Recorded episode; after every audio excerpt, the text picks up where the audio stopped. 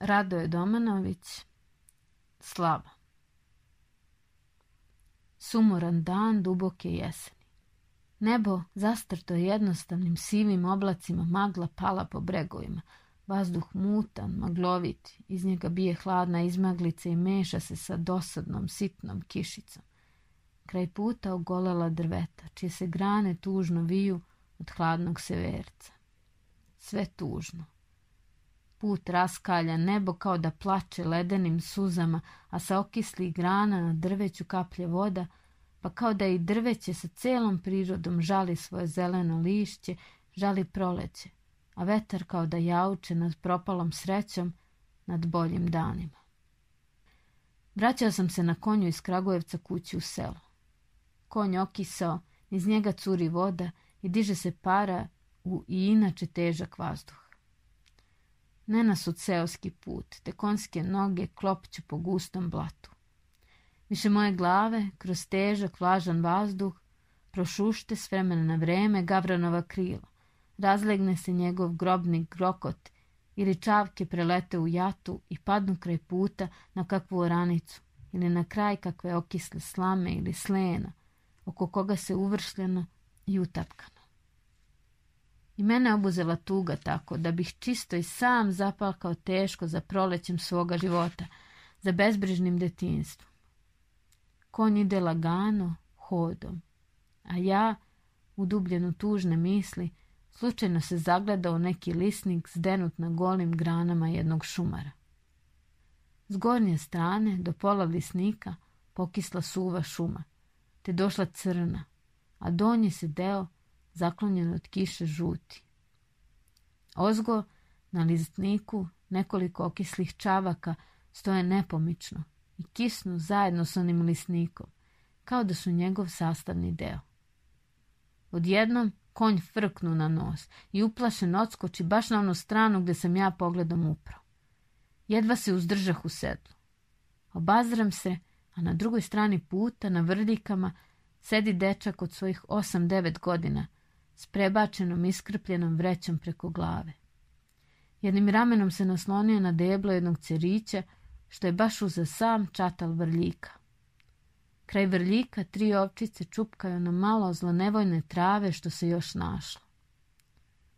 Na prvi pogled ga nepoznatog zbog one vreće kom se zaklonio od kiše, ali čim bolje pogledah, pozna malo Mijeta. Tako se dove dečko. Mijet me sobom podsjeti da sam već na ataru našeg sela. Šta radiš tu more na ovoj kiši? Upitam ga. Čuvam ovce. Koliko ih imaš? Eto to. Reče ravnodušno i povuče više napredonu iskrpljenu vreću da ga kiša ne bije u oči. Svega tri, rekoh ja. Tri, imali smo pet, pa dve nana letos prodala Pavlu, te smo platili porez. Gde ti onaj stariji brat, Nikola? Kako li mu ona beše ime?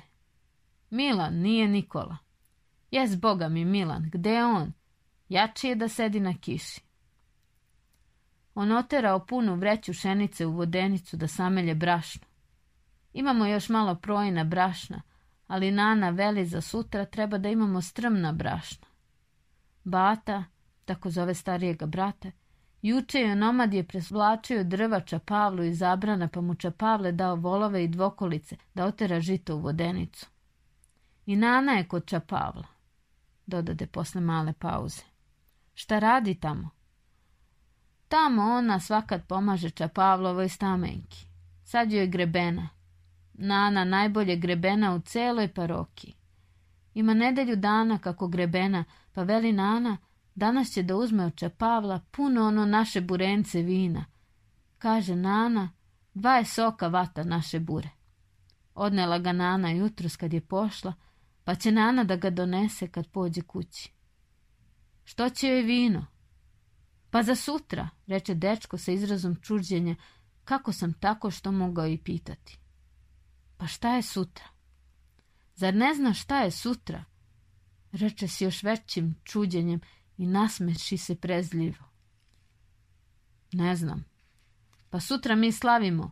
Đurđic, zar to ne znaš?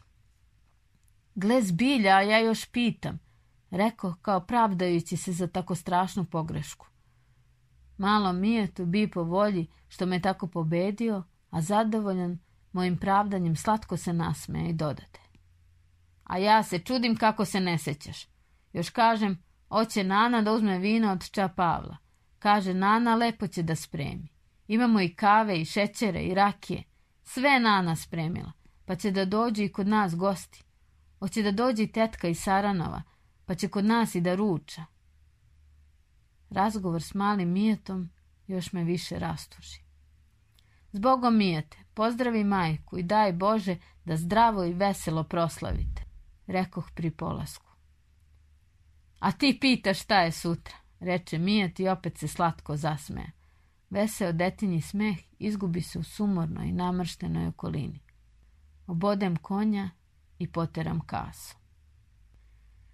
Nije ni pet minuta prošlo kako se rastadoh s Mijetom, a susretne Milenu, Mijetovu nanu. Na plećima je burence, te glavu povila i korača teško, klizajući se po kaljavu putu, čas levo, čas desno. Obučeno u iskrpljenu gunju, krajeve od kane šarene suknje zakačila za pojas, te se vidi dugačka debela košulja, mokra od kiše i ukaljana po dnu. Bosa. Noge modrikavom crvene od hladnoće. Zbureta curi voda, lice je mokro od kiše i znoja. Kad me ugleda, pređe u kraj puta, nasloni burence na vrljike te ga pažljivo skide s pleća, a zatim otkači suknju od pojasa te pokri košulju i uputi se meni. Ja sam inače, čim sam je spazio, zadržao konja da ide lagano, nogu pred nogu, a sad ga zaustavim. Milena priđe i pozdravi se. Otkud ti, Milena? Od stamenke Pavlove. Grebenala sam tamo, pa danas pođu kući malo ranije da spremam za sutra. Uzela sam i ovo malo vina, koliko da se prelije kolač i napije u slavu. Šta ću? Tako je to ostalo od stari, pa valja i mlađima predati. Imaš li gostiju? Dok mi je pokojni Petar bio živ i dolazili su, a sad gotovo niko. Milena zastade, uzdahnu duboko, pa kao zase gledajući u zemlju dodate. I da te zovem, adeta radi, ali znam da nećeš doći. Tvoji idu miloju, tamo idu svi bolji i bogatiji, a kod mene ko će i doći u jad i sirotinju. Pa i siroma neće sirotome poći. Tako i jeste, dosta mu je svoje nevolje, a kamoli da i tuđu gleda. E ja ću ti sutra doći na ručak i hvala ti na pozivu, rekoh potresen njenim rečima. Milena me blagodarno pogleda, u očima joj zasijaše suze, a zagušenim drhtavim glasom jedva prošaputa. Hvala i tebi, a ja sam spremila iako sam sirota, neću se zastideti. Jedva sam se uzdržao da suzu ne pustim. Pozdravim se i obodem konja, te pođe kasom. Milena je pre sedam godina ostala udovica s dvoje dece. Milanom, kome je tada bilo osam godina, i Mijatom, koji je bio još na sisi. Muž je, Petar, nije bio bogat, ali imao taman toliko da ne trpi ni u čemu oskudice. Dugo bolovanje njegovo i lečenje preko dve godine toliko ga materijalno ošteti da kad umre ostavi samo kućicu od brvana i nešto voćnjaka oko kuće, što u isto vrijeme beše i dvorište. Milena je redak primjer žene i matere.